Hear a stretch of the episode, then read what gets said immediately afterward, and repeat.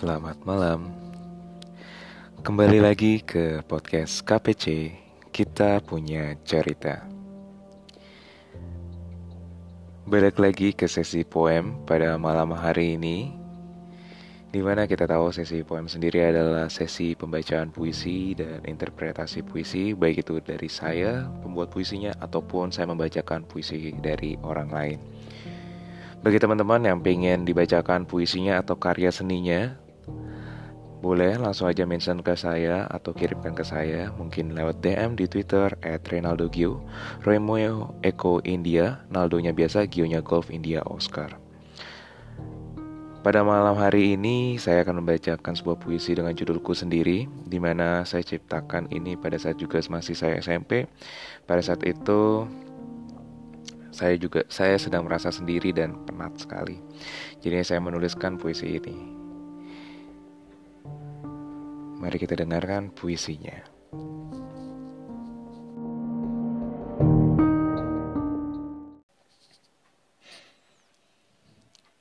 Ku sendiri. Saat ku sendiri, keluh kesah selalu datang menghampiriku tidak ada kegembiraan yang menyertaiku.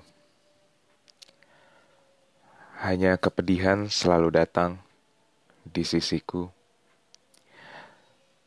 Tak terpikirkan olehku apa yang terjadi hingga aku seperti ini.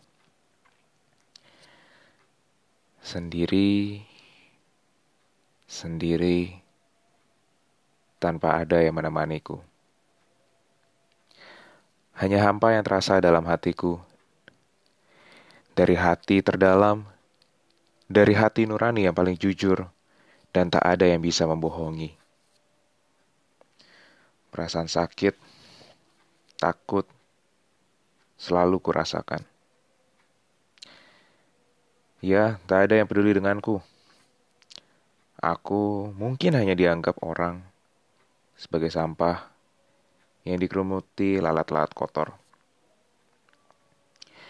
Ingin keluarkan emosiku, menangis, tertawa dan semuanya.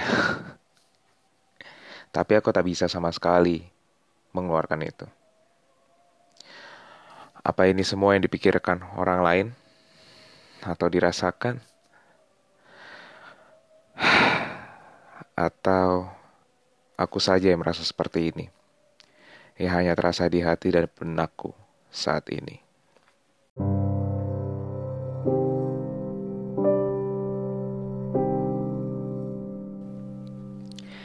Itu tadi puisi singkat ketika saya waktu itu. Saya ingat waktu itu saya ngebuatnya lagi masa-masa saya sedih di mana saya waktu itu punya seorang tante dan waktu itu juga tante saya meninggal. Dan saya merasa sedih dan sepi ya jadinya. Karena biasanya tak sama tante juga saya juga lumayan dekat. Sering ya jalan bareng waktu itu waktu kecil sering diajak main bareng juga beli mainan segala macam tapi ketika kejadian hal seperti itu agak shock dan saya merasa sedih. Dan saya juga nggak bisa berkata apa-apa lagi. Nggak bisa ngapa-ngapain kan?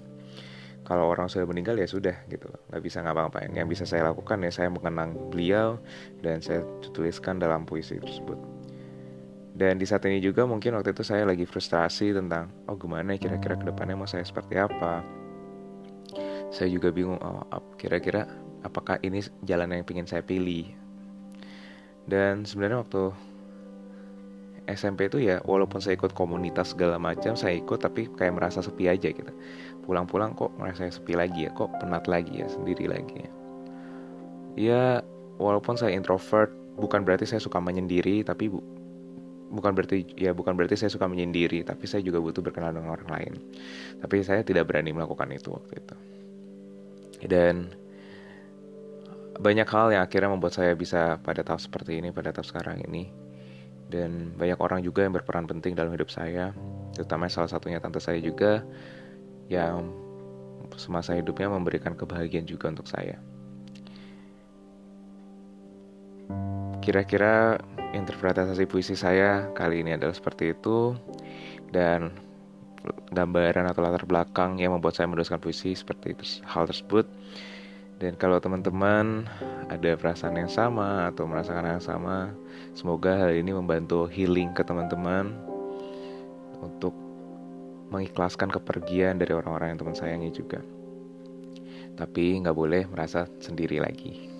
Karena masih banyak orang yang berperan penting, orang yang selalu ada untuk kita semua juga. Sampai jumpa di di sesi POM berikutnya. Dan tetap stay tune di KPC, kita punya cerita. Selamat malam.